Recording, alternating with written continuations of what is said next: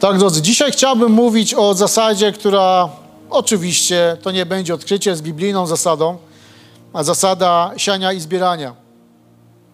I zapewne, jeżeli e, pamiętacie gdzieś te wersety, które mówią, kto sieje e, skąpo, ten coś, a kto sieje obficie, ten też coś. I generalnie mówię tak, dlatego że za chwilkę będziemy czytać ten e, tekst z Pisma Świętego, to list do Koryntian, za chwilkę do tego dojdziemy. Ale na wstępie o tym chcę wspomnieć, dlatego że możemy mieć takie przekonanie lub takie doświadczenie, że kiedy mówimy o zasadzie siania i zbierania, automatycznie pojawia nam się myśl, która mówi, no tak, będziesz skąpy, no to, no to tam będziesz skąpo zbierał. Ale chciałbym to dzisiaj czytać z wami, ten tekst Pisma Świętego i mówić o to na zasadzie, e, co, co się dzieje, kiedy my w ogóle siejemy że w tej zasadzie jest bardziej to za, umieszczone, że Bóg chce hojnie obdarowywać tych, którzy mają otwarte serce dla Niego. I o ile, drodzy, ostatnie dwie niedziele mówiliśmy bardzo dużo na temat e, pieniędzy, dziesięciny, pierwociny, dzisiaj będzie mało o tym, ale dzisiaj chciałbym, abyśmy skierowali się właśnie na samą zasadę siania, na nasze serce. Dlatego, że Bóg nie oczekuje od nas dziesięciny czy jakichkolwiek innych darów oddawanego z żalem albo z przymusem. Bóg nie chce, abyśmy cokolwiek robili. Bóg nie chce, abyś przychodził w niedzielę na nabożeństwo, czy na grupę, na małą grupę, grupę domową razem lepiej z jakiegoś przymusu, chyba, że ktoś cię przymusił, żebyś tam poszedł ten pierwszy raz. Ale Bóg nie chce, abyśmy cokolwiek dla Niego robili z przymusu, z jakimś żalem, ale Bóg chce, abyśmy robili wszystko z radosnego serca z takiego wolnego serca, że robię to, bo kocham Boga, bo chcę to zrobić. Więc Bóg chce, abyśmy mieli radość z dawania i ze służenia Mu, a nie robili cokolwiek pod jakimś przymusem, pod jakimś ciężarem, e, jakimś takim może właśnie zakonem, używając e, starotestamentowej e, terminologii. I apostoł Paweł, kiedy czytamy drugi list do Koryntian, dziewiąty, drugi list do Koryntian, dziewiąty werset, tam jest historia, w której apostoł Paweł mówi do właśnie kościoła w Koryncie, aby już przygotowywali się do e, zbierania specjalnej ofiary. My to często nazywamy ofiara serc, e, specjalnej ofiary właśnie na wierzących na kościół w Macedonii, który był ubogi. I on do nich, y, więc apostoł Paweł chwalił ten kościół, chwalił ich za gotowość do hojnego wspierania, mobilizuje, umacniał ich właśnie do, e, do dobrego dzieła.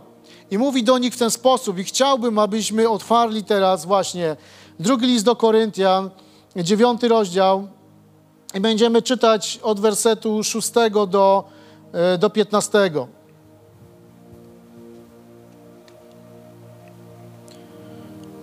I apostoł Paweł mówi: Pragnę bowiem podkreślić, kto skąpo sieje, skąpo też rządź będzie. A kto obficie sieje, obficie rządź będzie. Każdy więc niech się dzieli tak, jak postanowił w sercu, nie z żalem albo z przymusu, gdyż Bóg kocha radosnego dawcę. Bóg też jest w stanie udzielić wam obfitej, obficie wszelakie łaski, abyście zawsze we wszystkim mieli dostatek i coraz częściej brali udział w każdym dobrym dziele zgodnie ze słowami, hojnie rozdziela, wspiera ludzi biednych, Jego sprawiedliwość trwa wiecznie. Ten zaś, który dostarcza siewcy ziarno i karmi go chlebem, zaopatrzy również was, pomnoży wasz zasiew i, przyspo, i przysporzy owoców waszej sprawiedliwości. Dzięki niemu bogaci we wszystko będziecie mogli celować w hojności, która za naszym udziałem wywołuje wdzięczność dla Boga. Trzeba wam bowiem wiedzieć, że udział w tej posłudze nie tylko wypełnia niedostatek świętych, ale także ze strony wielu owocuje wdzięcznością dla Boga. Namacalny dowód tej posługi sprawi, że oni będą chwalić Boga za wasze posłuszeństwo związane z wyznawaniem zasad dobrej nowiny Chrystusa. Będą go też chwalić za szczerość waszego poczucia jedności z nimi oraz ze wszystkimi Poza wsparciem w modlitwie, którego wam u nich nie zabraknie, darzyć was też będą wielkim uczuciem z powodu przebogatej łaski Boga względem was. Bogu niech będą dzięki za Jego niewysłowiony dar.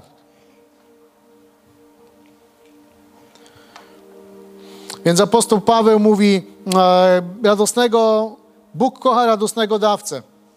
I chciałbym, abyśmy na tej radości dawcy, na radości człowieka, na radości w życiu człowieka i na radości w życiu chrześcijanina z byciem Bożym dzieckiem i ze służenia Mu właśnie mieli taką postawę. Więc mówi, Bóg kocha radosnego dawcę. I za słowem radosny kryje się greckie słowo hilaros, które, uwaga, nie oznacza jakich nie, jakichś niekontrolowanych oznak właśnie radości, wybuchów śmiechu czy innych przejawów wesołości. Nie o tym Paweł mówi że jak dajemy, to mamy się w jakiś tam sposób uzewnętrznić tą swoją radość. Oczywiście możesz, ale nie o tym ten werset mówi. Ale chodzi tutaj w tym słowie, w tym greckim słowie hilaros, chodzi raczej o wewnętrzną pogodę ducha, o szczęście i zadowolenie, które łączą się ze szczerym, hojnym dawaniem. Czyli apostoł Paweł mówi, radosnego dawcę Bóg kocha, radosnego, czyli tego, który ma pogodę ducha, który ma szczęście, ma zadowolenie w swoim życiu, ma zadowolenie z tego, co robi.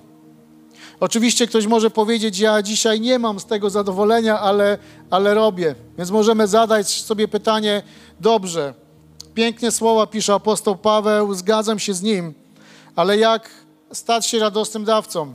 Jak przejść do miejsca, w którym będę radośnie, z, taką, z takim pokojem, e, z, z takim pokojem wewnętrznym, wewnętrzną pogodą ducha, szczęściem, zadowoleniem służył Bogu i, i, i obficie siał. I obficie siał.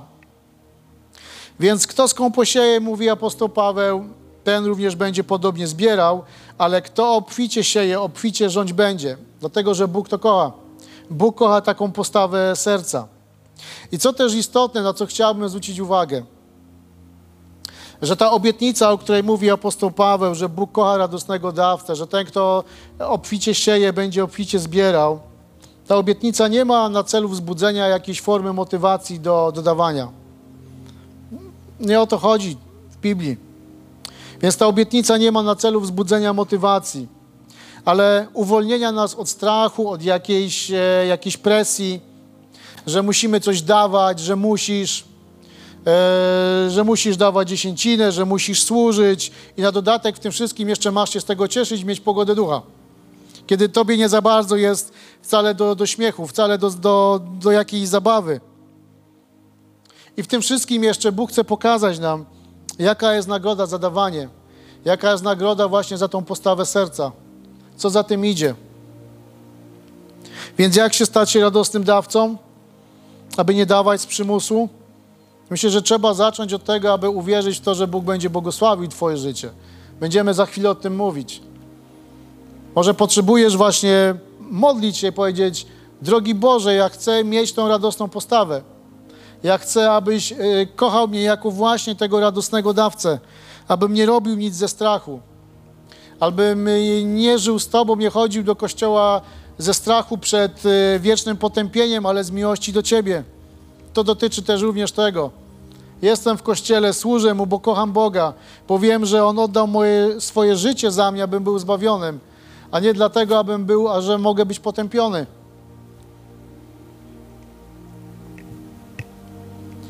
Więc pewna forma narzękania, obawa, że może nam czegoś zabraknąć, chęć jakiegoś zachowania, jakiegoś poczucia bezpieczeństwa, czy też wyrażanie prawa do mojej własności, z naciskiem na, na mojej własności, to jest naturalny stan ludzkiego serca. Z taką naturą się rodzimy, że coś jest moje, należy do mnie, że muszę zadbać o pewne rzeczy. To akurat prawda, że powinieneś dbać o swoje życie, ale że nie zabraknie mi, kiedy coś oddam Bogu, że poświęcę coś dla mojego Boga. I chciałbym, abyśmy zatrzymali się na, na chwilę na właśnie ósmym wersecie. Ósmym, który czytaliśmy przed chwilą. I apostoł Paweł tutaj mówi, że Bóg też jest w stanie udzielić wam obficie wszelkiej łaski. Bóg jest w stanie udzielić wam obficie wszelkiej łaski, abyście zawsze we wszystkim mieli dostatek i coraz częściej brali udział w każdym dobrym dziele. Zatrzymajmy się na tym, że Bóg jest w stanie udzielić wam obficie wszelkiej łaski. Nie dość, że jest w stanie, to jeszcze obficie. Jeśli mówimy o radosnym dawaniu, o takiej postawie, to właśnie pierwszą rzeczą to musimy rozpocząć od uwierzenia Bogu, że dobry Bóg potrafi zadbać o Ciebie. Bez względu na sytuację, w jakiej się znajdujemy. Dobry Bóg potrafi zadbać o Ciebie. W każdej życiowej sytuacji, w każdej sytuacji gospodarczej i społecznej Twojego kraju czy świata, Bóg potrafi zadbać o Ciebie.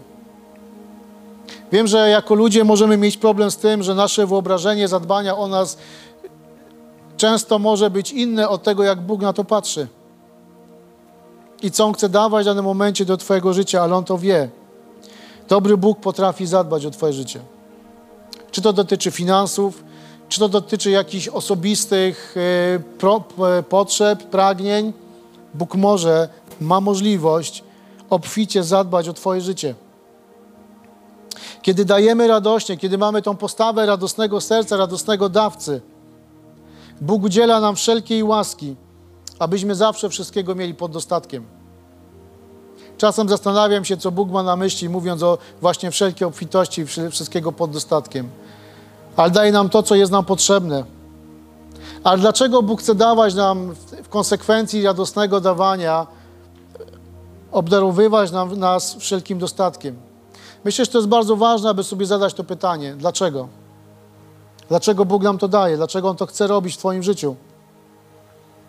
Odpowiedzią jest, żeby coraz częściej brać udział w każdym dobrym dziele. I to mówi właśnie werset ósmy. Abyście zawsze we wszystkim mieli dostatek, mówi apostoł Paweł do Koryntian. I uwaga, coraz częściej brali udział w każdym dobrym dziele. Abyście mieli dostatek i abyście mogli brać udział częściej, coraz częściej w każdym dobrym dziele.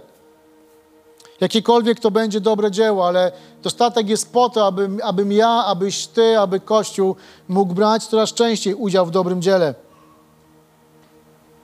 Więc nasz dostatek, dbanie o nasz dostatek, Twoja praca, e, Twoje wykształcenie, cokolwiek robimy, aby, aby nasze życie opitowało w różne rzeczy. I ten dostatek też, o którym czytamy w, właśnie w tym wersecie, on nie może być celem samym sobie. Celem samym w sobie mowa o tym dostatku by była, gdyby ten werset zakończył się na, na dostatku. Kiedy apostoł Paweł powiedziałby, abyście zawsze we wszystkim mieli dostatek, kropka. To byłby cel sam w sobie. Ale e, sam dostatek, sam, sam jakieś poczucie jakiegoś dobrostanu życia nie jest celem samym sobie. Celem jest to, mój dostatek, cel mojego dostatku jest taki, abym mógł częściej brać udział w dobrym dziele. Cokolwiek to będzie dotyczyło, czy moich pieniędzy, mojego czasu, mojego poświęcenia dla kogoś, dla, dla, dla jakiejś idei, dla Kościoła.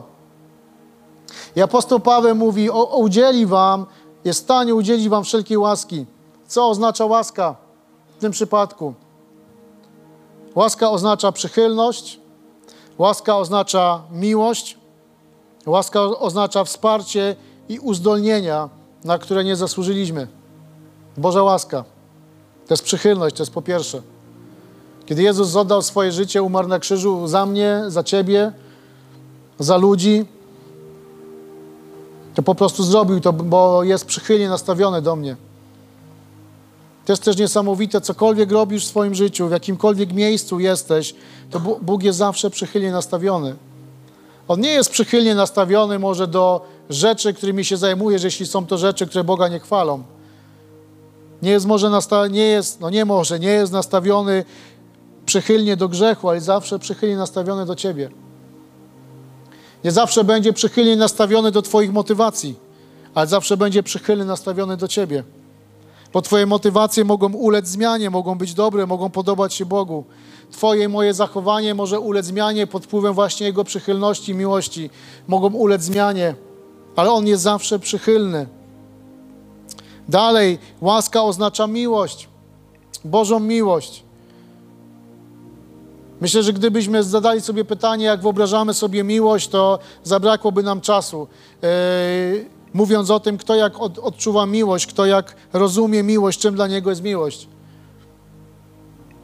Ale to jest właśnie ta Boża miłość, wszelka miłość, która otacza Twoje życie i chce, i Bóg chce ją wylewać na Twoje życie.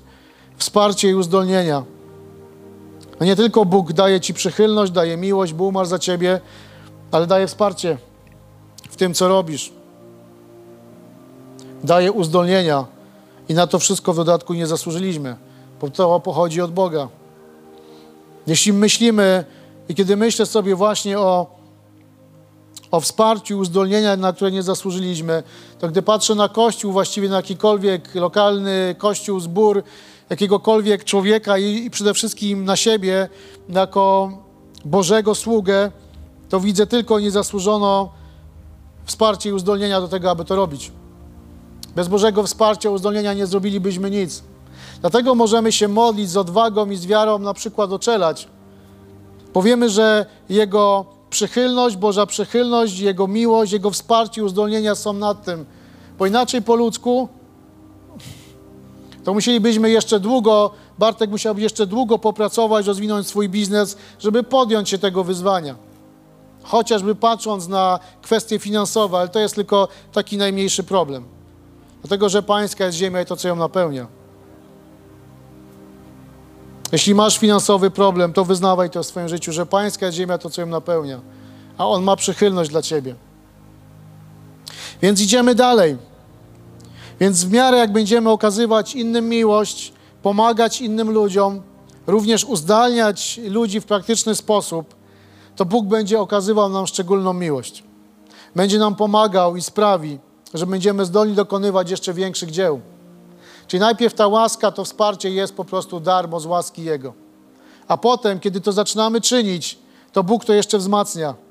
Powoduje, że będziesz miał jeszcze większy dostatek i będziesz mógł brać jeszcze większy udział w dobrym dziele. To jest niesamowite. To jest trochę sprzeczne z naszą ludzką naturą, ale tak widzi to Bóg. Robię coś, a On mi coraz więcej błogosławi, żeby mógł jeszcze bardziej błogosławić innych.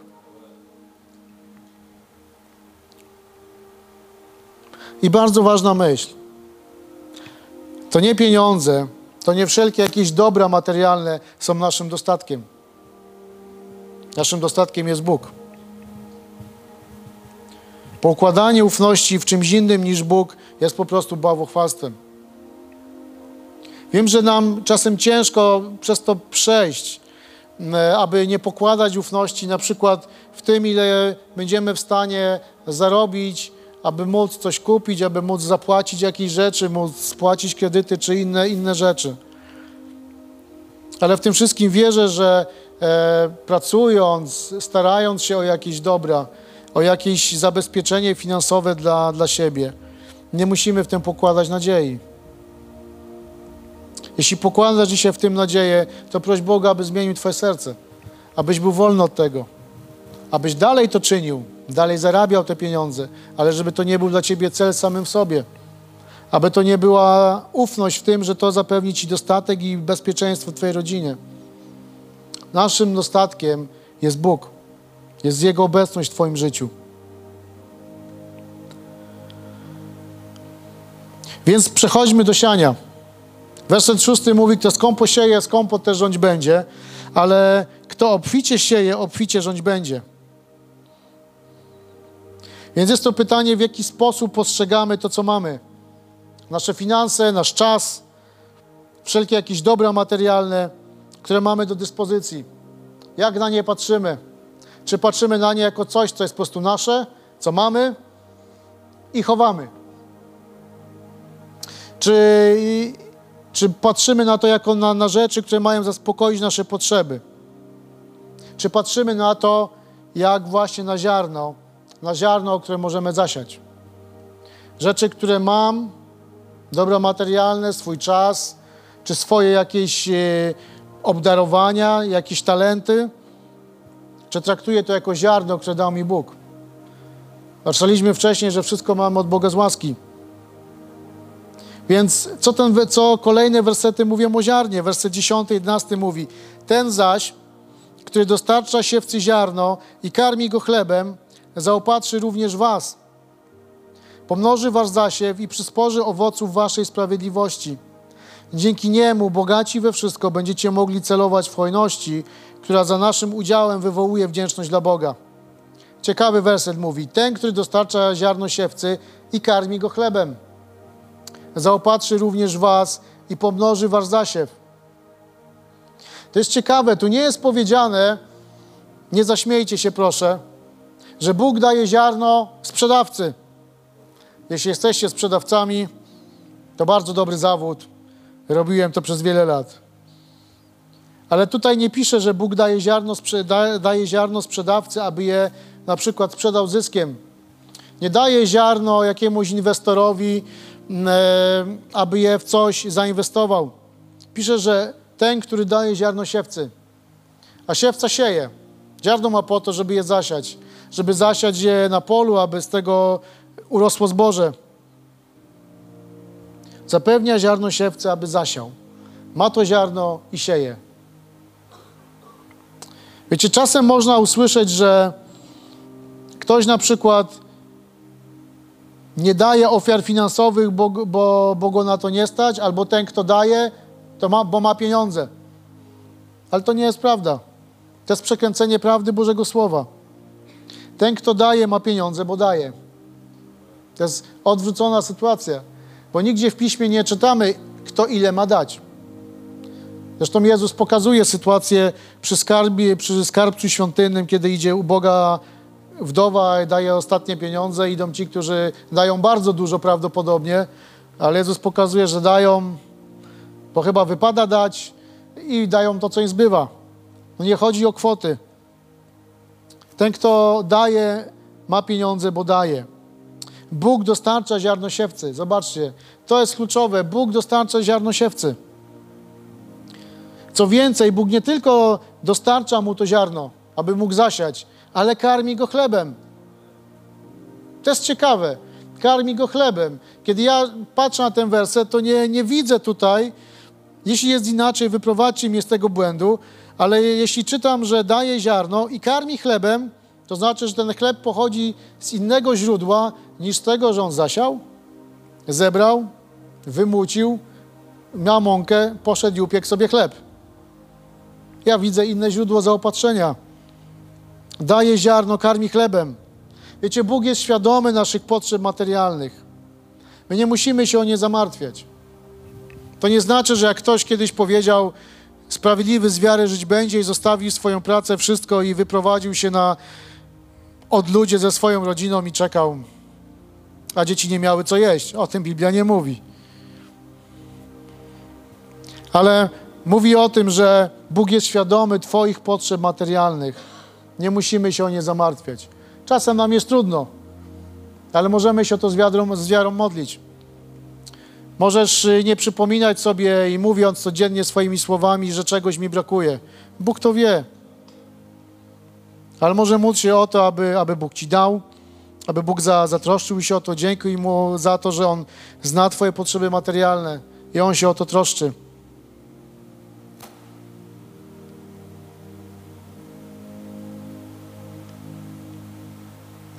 Wiecie, wszelakie dobra, pieniądze, wszelka jakaś pomyślność nie są odpowiedzią na problemy. Bóg jest odpowiedzią na wszystko. Tak jak Bóg jest, chce być Twoim zaopatrzeniem, jest Twoim zaopatrzeniem, to Bóg jest też odpowiedzią. To Bóg jest Twoim dostatkiem i Bóg jest Twoją odpowiedzią. Kiedy czytam ten tekst z drugiego listu do Koryntian, to widzę, że Bóg chce, abyśmy wzięli część tego ziarna, na, abyśmy część ziarna, które On nam daje, wzięli na pokarm, a resztę zasiali. Albo może na odwrót, zasiali, a część wzięli na swój pokarm. I daje przy tym wielką obietnicę, która mówi, że zaopatrzy również was, pomnoży wasz zasiew i przysporzy owoców waszej sprawiedliwości. I to jest piękna Boża obietnica. Bogu nie chodzi, kiedy czytasz, kiedy czytasz Biblię, Bogu nie chodzi tylko o to, żebyś ufał Mu, że On zaspokoi Twoje potrzeby i teraz, żebyś chciał, a On będzie patrzył, czy Mu ufasz. I że czekasz cierpliwie, uczciwie, aż On przyniesie e, Tobie chleb, aż Cię nakarmi.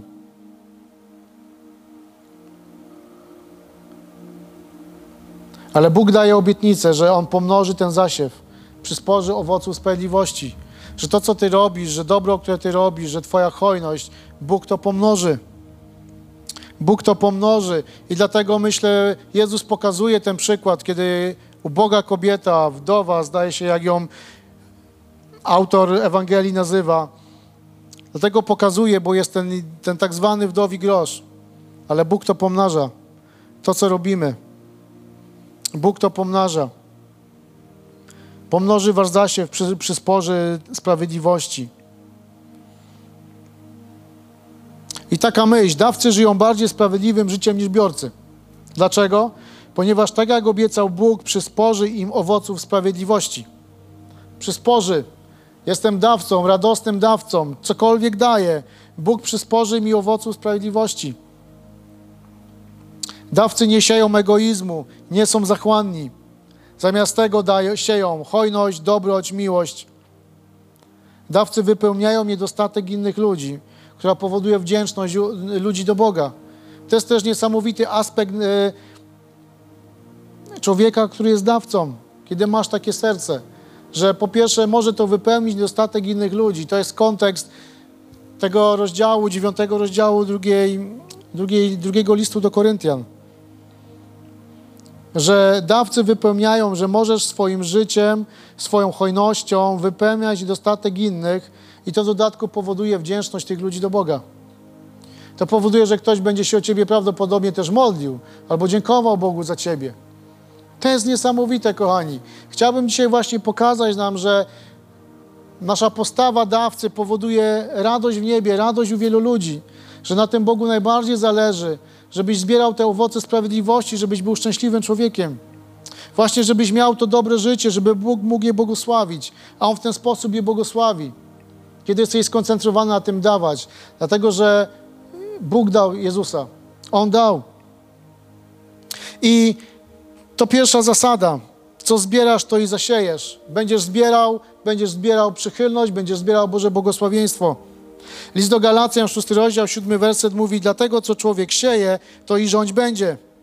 Więc jeśli ktoś zasieje jabłoń, będzie urośnie drzewo, będzie zbierał jabłka. Jeśli siejesz dobro, zbierzesz dobro. Jeśli jesteś hojny, Bóg pomnoży Twój zasiew. I to nie jest jakiś program do wzbogacenia się albo szybkiego wzbogacenia się.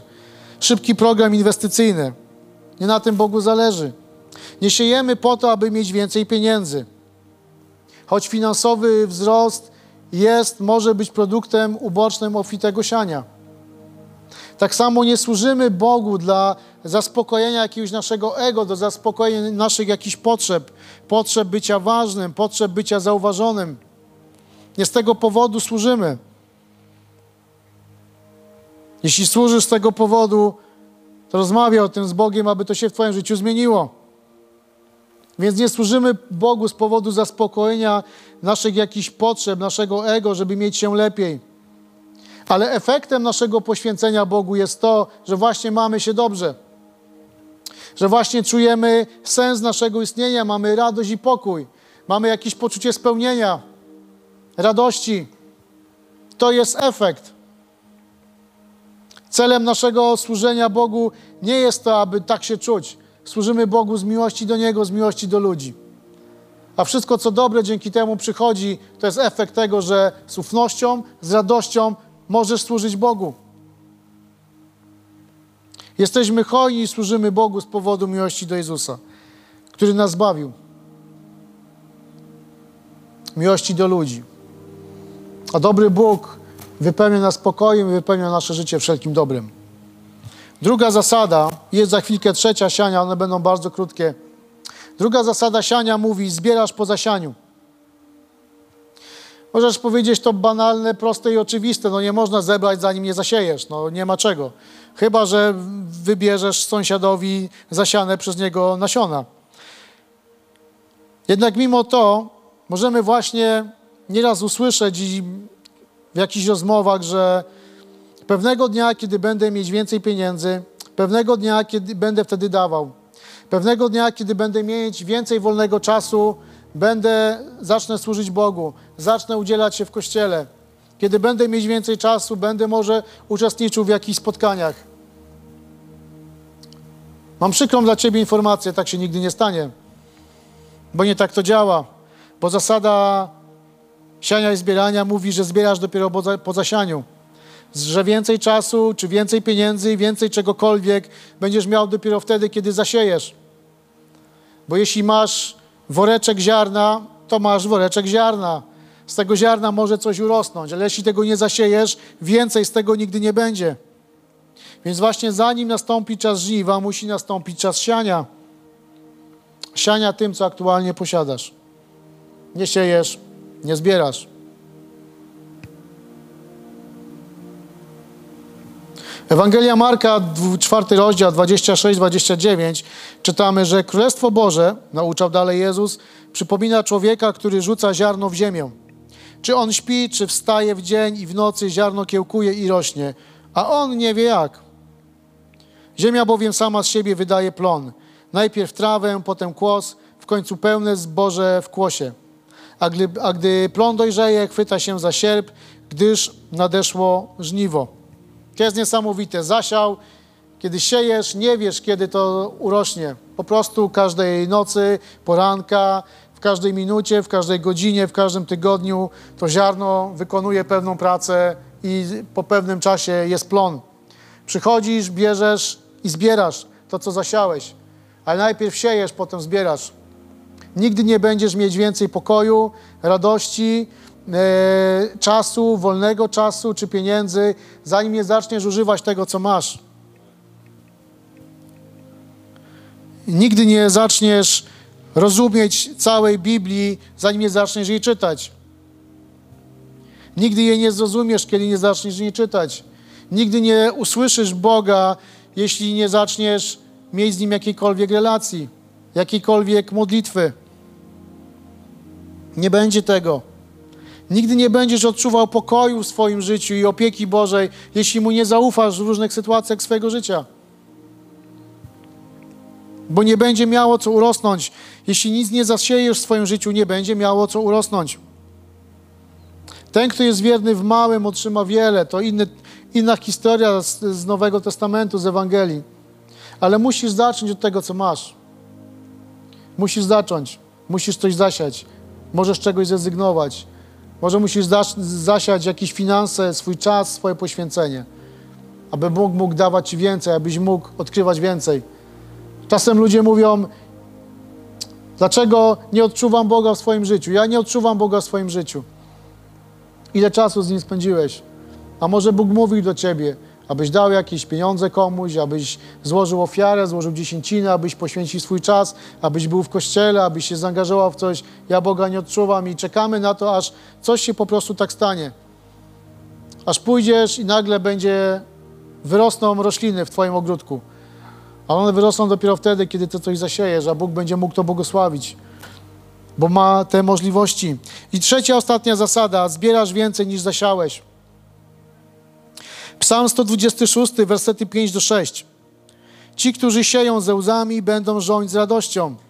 Kto wychodzi z płaczem, niosąc w pole ziarno, powróci z, jad- z radością, niosąc snopy swe.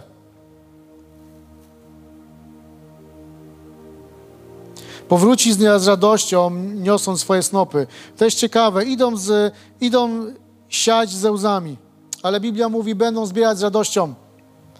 Kiedy coś cię może nawet boli, kiedy siejesz, kiedy musisz przejść jakąś próbę zaufania Bogu w jakichś swoich życiowych sytuacjach, to Biblia mówi, że będziesz potem zbierał z radością. Kiedy wychodzisz z płaczem, niosąc pole, coś, pole w ziarno, mówi psalmista, powrócisz z radością, niosąc swój zbiór. Zawsze zbierasz więcej niż zasiałeś. Nawet jeśli ten większy plon daje Bóg w taki sposób, że może nie od razu zawsze go widzisz. Ale kiedy siejesz, kiedy cię nawet to boli w jakimś momencie, to z radością będziesz niósł swoje snopy, to co Bóg będzie wnosił do twojego życia.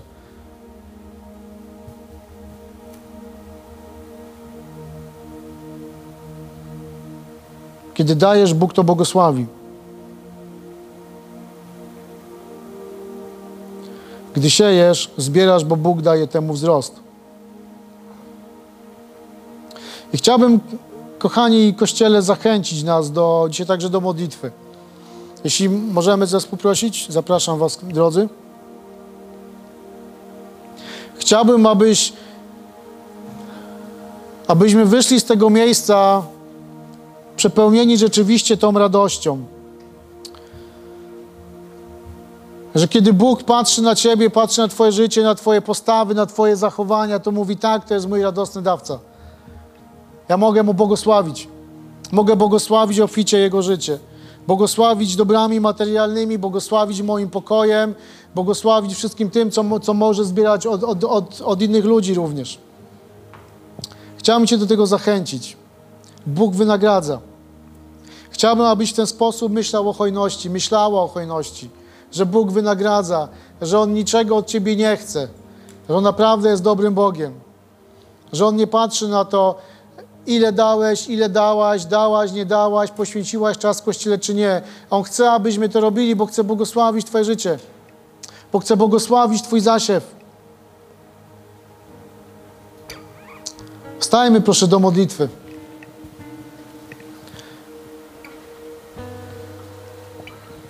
Jeśli możemy, zamknijmy swoje oczy. I przez chwilę porozmawiajmy z Bogiem. Może potrzebujesz właśnie, jesteś w miejscu, w którym borykasz się czymś z Bogiem. Może borykasz się e, z brakiem odpowiednich zasobów, może właśnie materialnych. Może borykasz się z tym, aby zaufać Bogu, że On Twoje życie ma w swoich rękach i On chce Ci błogosławić. Może przeżywasz rzeczywiście jakieś wręcz katusze, kiedy, kiedy, kiedy, kiedy dajesz. Albo przeżywasz wręcz katusze, kiedy słyszysz, kiedy mówi się o dawaniu, o hojności i ciebie to boli. A gdzieś w głębi serca czujesz, że dobrze byłoby coś zacząć zrobić w tej, tej sprawie. Ale chcę dzisiaj, abyś, abyś, mógł, abyś mogła modlić się o to, abyś mógł modlić się o to, aby Bóg mógł wypełniać Twoje serce pokojem, abyś mógł, abyś mogła rzeczywiście stać się radosnym dawcą. Aby Bóg mógł w swojej wielkiej łasce, w swojej obfitości błogosławić Twój zasiew, wypełniać Twoje życie pokojem, abyś mógł doświadczać, mogła doświadczać Jego łaski, e, doświadczać tego, co, co dobrego czynisz dla innych ludzi, abyś mógł, mogła doświadczać Jego obecności, Jego pokoju, aby Bóg mógł Cię zaskakiwać tym, co ma dla Twojego życia. Czegokolwiek dotyczy to w Twoim życiu. Chcę Cię zachęcić do tej modlitwy. Jeśli zaraz zespół będzie uwielbiał Boga, proszę Cię, módl się o to. Rozmawiaj z Bogiem. Możesz również Boga zapytać, Panie, pokaż postawę mojego serca. Jak dzisiaj wygląda moje serce? Proszę Cię, zmienia moje serce. Chcę doświadczać tego, że Ty mi błogosławisz. Chcę dawać najpierw Tobie, a potem oczekiwać lub ewentualnie oczekiwać Twojego błogosławieństwa. Chcę także zachęcić Cię do tego, jeśli nigdy także nie, nie poświęciłeś swojego życia Bogu, to znaczy nie zaprosiłeś Jezusa, nie uwierzyłeś w Niego jako tego, który umarł i zmartwychwstał dla, twojego, dla przebaczenia Twoich grzechów, abyś mógł być zbawiony. Jeśli jesteś w tym miejscu, będąc niepojednanym z Bogiem, to możesz pomodlić się, powiedzieć: Jezu, ja zapraszam Cię do mojego życia. Jezu, ja chcę, abyś przebaczył mi moje grzechy. Ja chcę stać się Twoim dzieckiem. Ja chcę zacząć w Ciebie wierzyć. Chcę, chcę Ciebie w moim życiu. Chcę oddać Tobie prawo do mojego życia. Chcę być pojednany z Tobą, bo widzę, że moje życie bez Ciebie jest pozbawione sensu. Możesz modlić się tak w czasie tego uwielbienia. Panie, uwielbiamy Ciebie dzisiaj. Dziękujemy Ci, Jezu, za to, że Pismo Święte zachęca nas do postawy radosnego dawcy. I Panie, dzisiaj jako, jako osoby, jako Kościół chcemy być tymi, na których Ty możesz patrzeć jako na radosnych dawców. Na tych, którzy cieszą się, że dają.